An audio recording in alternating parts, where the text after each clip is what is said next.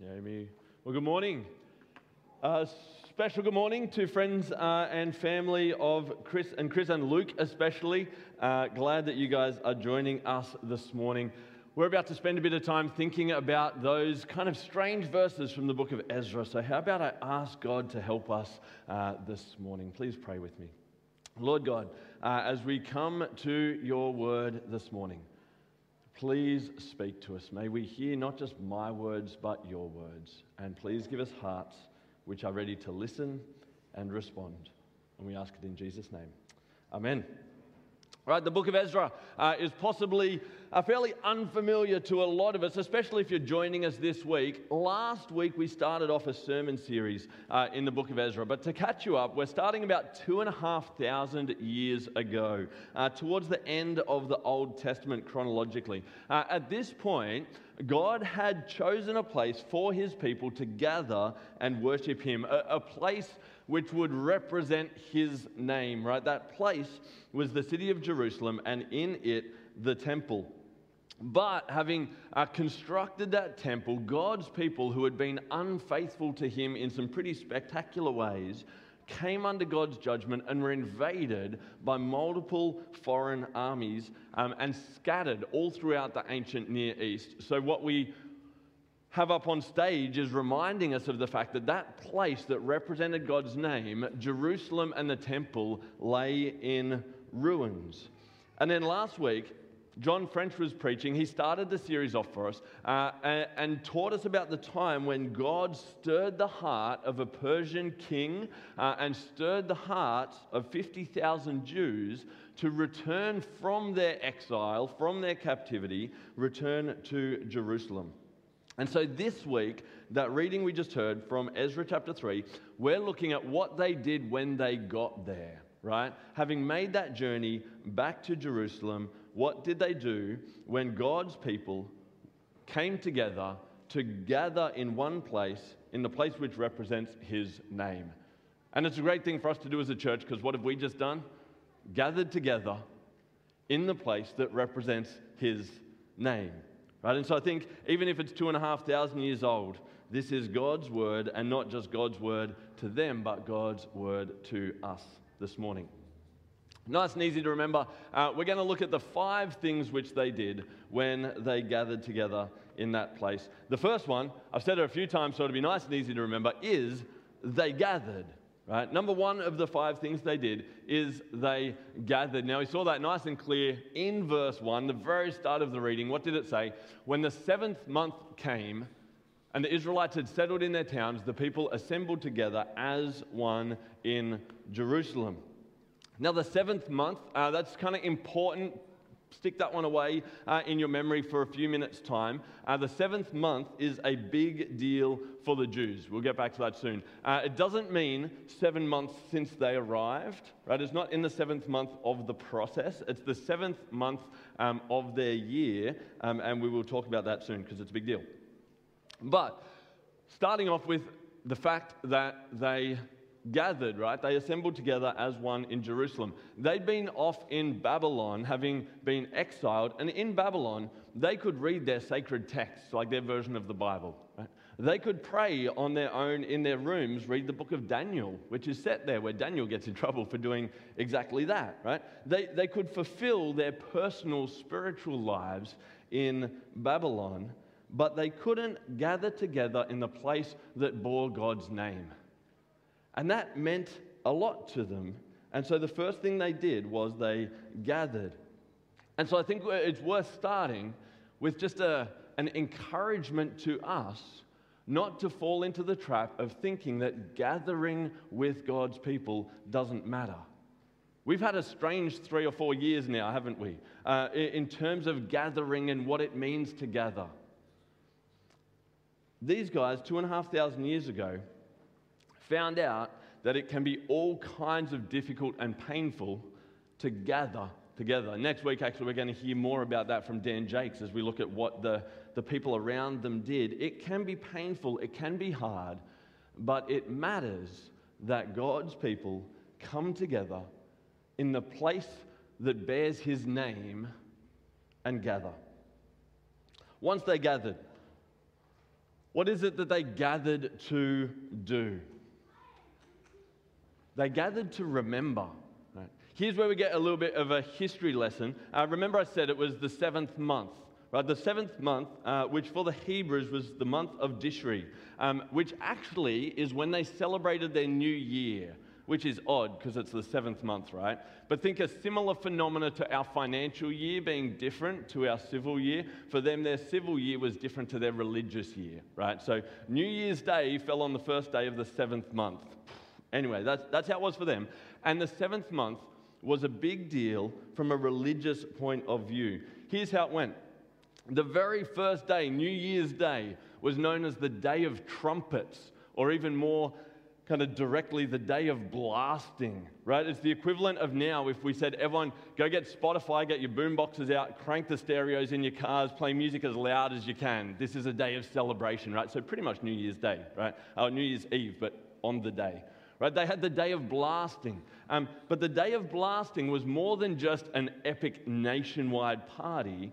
It was a day where they celebrated some of the, the famous kind of trumpet moments that they had in their past, right from the sound of God's voice um, at Mount Sinai through uh, to the trumpets being blasted at Jericho as they came into the promised land, and all these moments where the sound of trumpets represented God's glory and his presence. They remembered that for a day and celebrated.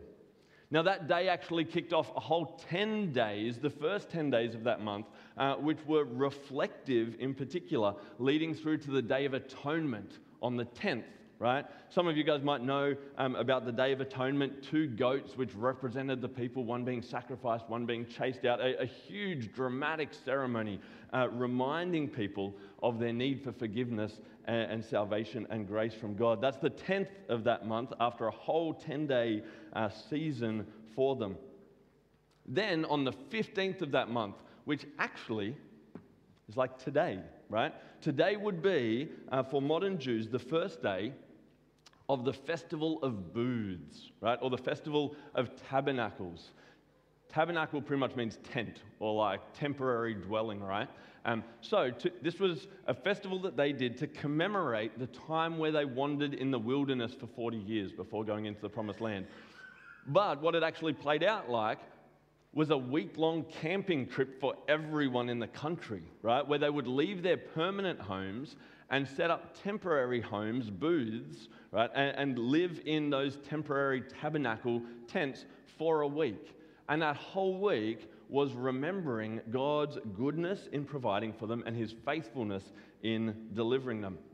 They do that for a whole week. Um, and at the end of that, they have another massive party um, to celebrate on the eighth day there. So that of this month of Tishri, um, half of it, like two whole weeks worth of it, are like public holidays and national parties, right?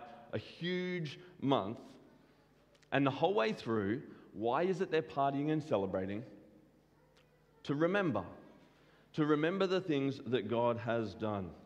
See, remembering what God has done, connecting to the past, reminds us that God is bigger than our moment. Right? Because what did their specific moment look like? Ruins, scattered, broken. But remembering that God is the God of history who works across thousands of years reminded them that God is bigger than just their moment. God works across centuries and millennia, and He is good and He is powerful and He wins. So it's good for us to remember that God is bigger than our moment. Because sometimes our moment is pretty tough. Jeff mentioned some of the things that have happened in the last week with Essendon Football Club, and we, we find ourselves in this moment in history where it's easy to think that God is not powerful or God is not for us. What did the Jews need to do? They needed to remember the things that God has done so that they could remember that God is bigger than just that moment. But there was something else they needed to remember, and there's something else that we need to remember not just that God is bigger than our moment, but actually who we are is bigger than just our moment. See, they needed to remember their identity, who they were. Because two and a half thousand years ago, who were they? A bunch of like semi homeless squatters who'd just gone back into a land that they'd never grown up in, that they heard was theirs, and they were being hated by all of their neighbors, right? Outcast, marginalized, soon to be persecuted minority in their own land. That's who they were. But that's not who they were. They were God's people. They needed to remember who they were. And they needed to remember who they were based on what He had done for them. And what is it that we need to do as we gather together? We need to remember who we are. Not just based on what's happening out there, outside those doors in our life, or what society is saying about us. We need to remember who we are based on what God has done for us. And so as we gather, we need to remember. We don't remember exactly the same things as them. They were remembering things from thousands of years before them. We do the same. But it, it's right, even if we're remembering different things, that like them, we have our, our rituals and our rhythms that we do together when we gather. We have those, don't we? Sundays roll around, and just like on the first day of the seventh month, they assembled, Sunday morning rolls around, and we gather.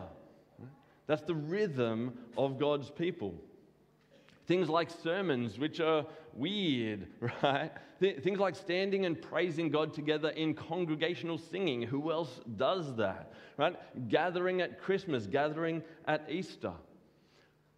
Things like baptism here for, for Luke in a few weeks' time when we do more baptisms and confirmation at our, our celebration of salvation, when we do communion in our services, when we say ancient words like the, the Apostles' Creed and we pray the Lord's Prayer, and we do these things that are like rituals and rhythms, not just because that's how it's always been done, but so that they might remind us that God is more than just our moment and we are more than just this moment so that we can appreciate that the God we worship is the same God who was God back then and will be God forever.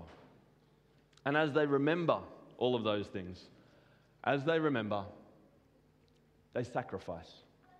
They bring sacrifices to God. Here's where it says it in Ezra, just a few verses in. Joshua, son of Jozadak, and his fellow priests, and Zerubbabel, son of Shealtiel, and his associates began to build the altar of the God of Israel to sacrifice burnt offerings on it in accordance with what's written in the law of Moses, the man of God.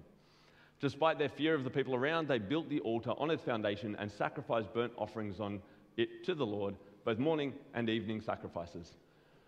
Then, according with what was written, they celebrated the Festival of Tabernacles. We just talked about that one. With the required number of burnt offerings. That's an insane number of burnt offerings, by the way. Um, just just to, to fill you in on that one. Um, that's a week, remember the Festival of, of Tabernacles was a whole week. Um, on day seven, they're going to sacrifice seven bulls. And so maybe the intuition is day one, one bull, day two, two bulls. No, God works the other way down, around. He does a countdown. He starts with 13 on the first day, then 12, then 11, and works his way down so that they sacrifice nearly 100 bulls, each of them taking like almost 30 priests to sacrifice, tons and tons and tons of meat being burned. The aroma would have filled the entire city and surrounding areas. That, that's not a small thing that it says there.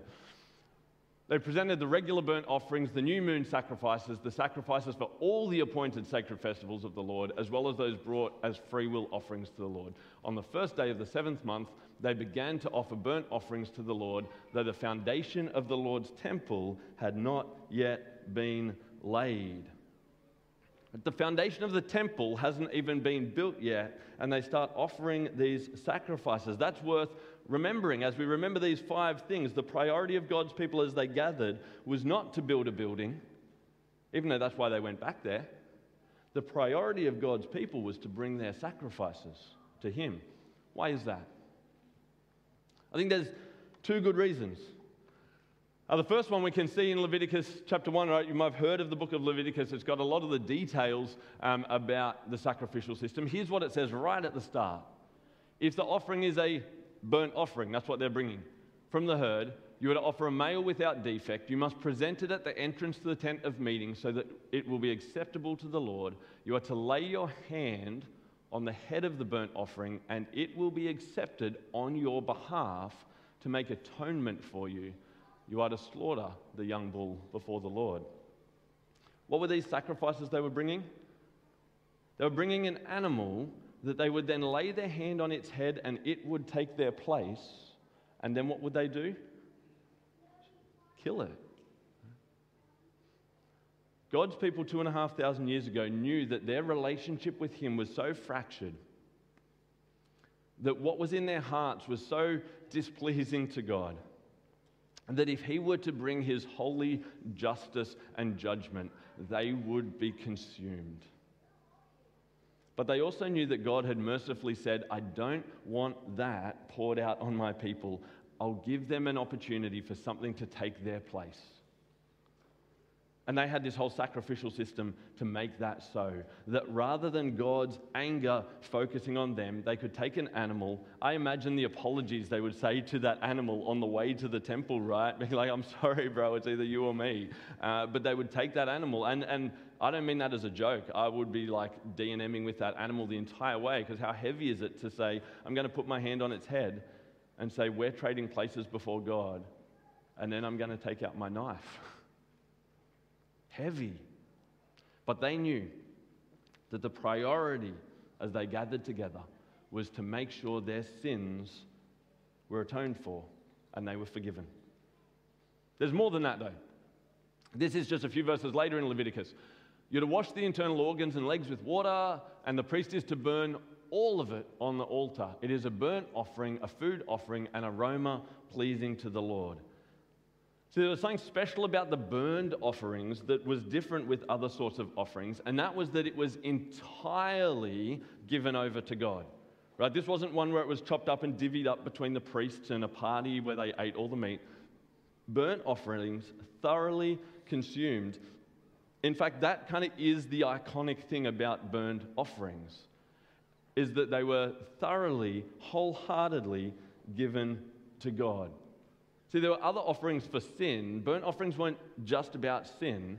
They weren't just about getting forgiven and escaping judgment. In fact, you might remember back in like Genesis chapter 9 when Noah gets off the ark, he offers a bunch of burned offerings. Now, he's just been saved. He's just gotten off the ark. He doesn't do the burnt offerings as a ticket onto the ark. He gets off and then he does burnt offerings. Why? Because they're not just about getting forgiven, they're about wholeheartedly giving your all to God in gratitude. Right? Saying, God, take this which is valuable to me, and it is all yours. So they did that because they knew God deserved it. And they also bought a bunch of free will offerings on top of all of that. That's what they did. As God's people gathered, they remembered and they sacrificed. But what does that look like for us, right? Who brought their, their young bull this morning? Right? We, don't, we don't have stockyards out there for us to keep all of our animals in. Why is that? Right? Hebrews 10 tells us this is New Testament near the end of the Bible now. Day after day, every priest stands and performs his religious duties, right? Killing these animals to remind people. Again and again, he offers the same sacrifices that can never take away sin. But when this priest, talking about Jesus here in the book of Hebrews, when this priest had offered for all time one sacrifice for sins, he sat down at the right hand of God. Skip to the end, for by one sacrifice he has made perfect forever those who are being made holy. Why is it we don't sacrifice animals? Because Jesus offered himself as the one sacrifice sufficient to pay for all people throughout all times sins. Jesus is the only way we can be forgiven. So, the number one priority when we gather is to make sure, to ensure that Jesus' sacrifice has led to the forgiveness of your sins. It's possible to gather and gather and gather for years and remember and remember and remember, but, but not accept that sacrifice and be forgiven. Friends, if that's you, ensure today that Jesus' sacrifice has paid for your sins. That wasn't the only aspect, was it? There was also the burnt offering. Don't hold anything back. Bring your offerings to God. That is the right response for what He has done for us. They hadn't been back for very long, they didn't have huge wealth. Them bringing all of those sacrifices would have hurt, and yet they knew God was worth it. And so The second question if you are someone who Jesus' death, his sacrifice has counted for you, you know you're forgiven, all of your sins have been washed away by his blood, then what are the burned offerings that you're bringing to God? How is it that you're taking things which are truly valuable to you and saying, God, I'm not even holding any of this back, it's just all yours? There were other sacrifices, like I said, where that it was divvied up. God, I'll keep this bit and we'll use it to feed ourselves, and then you can have this bit. That, there were those, right? But these offerings which they brought when they gathered were saying, God, I'm taking this and it's yours because you deserve it. And I wonder what it might look like for us to bring offerings to God in that way. They gathered to remember that memory led to sacrifice. And then they began to build. Here's verse 8. In the second month of the second year after their arrival at the house of God in Jerusalem, Zerubbabel, son of Shealtiel, Joshua, son of Jozadak, and the rest of the people, the priests and Levites, and all who'd returned from the captivity to Jerusalem, began the work. Right? The natural outworking of gathering and remembering all the things God had done and sacrificing was now to build God's temple. First step was to lay the foundation, and so they do that. Next week, we'll hear about how the rest of the building progresses. Uh, but for now, let's pause and think what does this look like for us? What does it look like? Does this mean build nice church buildings, right? There's a lot of church buildings in the world, and a lot of them are spectacular. Is that what it's talking about? Here's what Paul says in 1 Corinthians. So, again, jumping New Testament after Jesus, in light of Jesus, here's what he says No one can lay any foundation, picking up that same language, right? No one can lay any foundation other than the one already laid, which is Jesus Christ. If anyone builds on this foundation, as Jesus, using gold, silver, costly stones, wood, hay, or straw, their work will be shown for what it is the day it will bring it to light. See, there is a foundation which has been laid and it's Jesus. And that foundation is to be built upon right, with valuable things. What is it that then which is being built? This is continuing on. Paul, talking to the church in Corinth, says, Don't you know that you yourselves are God's temple? So there is a, a temple today. It's the church, but not the building, the, the people who gather. That, that's the temple now. There was a building where God dwelt and people could come and meet him. And then there was one man where God dwelt and people could come and meet him, Jesus, the temple. And now there are his people gathered together where God dwells by his Holy Spirit and where people gather to worship and meet him. So the question is if we've gathered and remembered and sacrificed, then how are we building how are you building the temple of God? How are you building on what Jesus has done in purchasing our forgiveness to build up those around you and to grow the church? Because once we gather, remember, and sacrifice, God's people build his church. And then what's the response to all of those things happening and seeing the building grow, the people of God grow? Celebrate. Let's celebrate. Let's have a read of it. When the builders laid the foundation of the temple of the Lord, the priests in their vestments and with trumpets, and the Levites, the sons of Asaph, with cymbals, took their places to praise the Lord, as prescribed by David, king of Israel. With praise and thanksgiving, they sang to the Lord. It's okay, I'll just read it. He is good. His love towards Israel endures forever. And all the people gave a great shout of praise to the Lord because the foundation of the house of the Lord was laid. God's people have always liked to grab a bunch of instruments, make a joyful sound to the Lord. Right? It's in our DNA to celebrate. It's weird in the modern world, but it's what we do because we have something worth celebrating. And and notice within there, uh, they, they line up as prescribed by King David. That's like 500 years old now. And then they sing some psalms that are four or 500 years old, right? We, we celebrate and we worship without necessarily forgetting that history and that heritage. We celebrate. And it's right that we do that. Not everyone does. The very next verse many of the older priests and Levites and family heads who'd seen the former temple, they wept aloud when they saw the foundation of this temple being laid, while others shouted for joy. It took me a while trying to figure out in all of this partying, if God's people are meant to celebrate, if that's the, kind of the fifth thing here, then why is it that they're not all celebrating? Some of them are crying. And what does that mean for us now, right? It's actually, I think, fairly simple. Why were they crying? Because in their mind, the temple was the physical building. And they had seen a glorious temple, and now they were seeing a foundation and they were thinking, what can be built on this foundation? Not much. They were lamenting the fact that God's presence, the thing that represented Him, didn't have much potential for glory. What about us? What was the foundation that the temple's being built on now? If they cried because their foundation was small, what's the, the foundation that the church is built on? Jesus, His sacrifice his power, his reigning over the cosmos now. And so, if they lamented because their foundation was small, how much should we celebrate because our foundation spans the entire world and all of history? Celebrating matters. It's who we are as God's people. We go through our sorrows and sufferings for sure. We have our times wandering in the wilderness. We have our times in exile like the Hebrews. But we have something to celebrate. And so we do. It's one of our three purposes here at Life AC, like it's literally written on the wall at the back there. It's what we did this morning with Luke's baptism. It's what we do again at Celebrate Salvation in three weeks' time.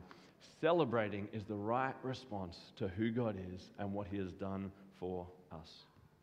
And so this morning, as we finish, if God today has determined a place for his people to worship him, he's called them to gather so that they might remember, so that they can bring their sacrifices, that they might build his church and celebrate together. What will that look like for you? I'm going to pray that it will be spectacular and bring you much joy and bring him much glory. Let's pray. Lord God, we thank you that you are the same God as the God of Ezra and the exiles. And so I pray that as we gather together, we might worship you as they did. And in you, we might find much joy and that we might represent your name well to those around us so that they might worship you too. We ask that in Jesus' name. Amen. Thanks, Josh.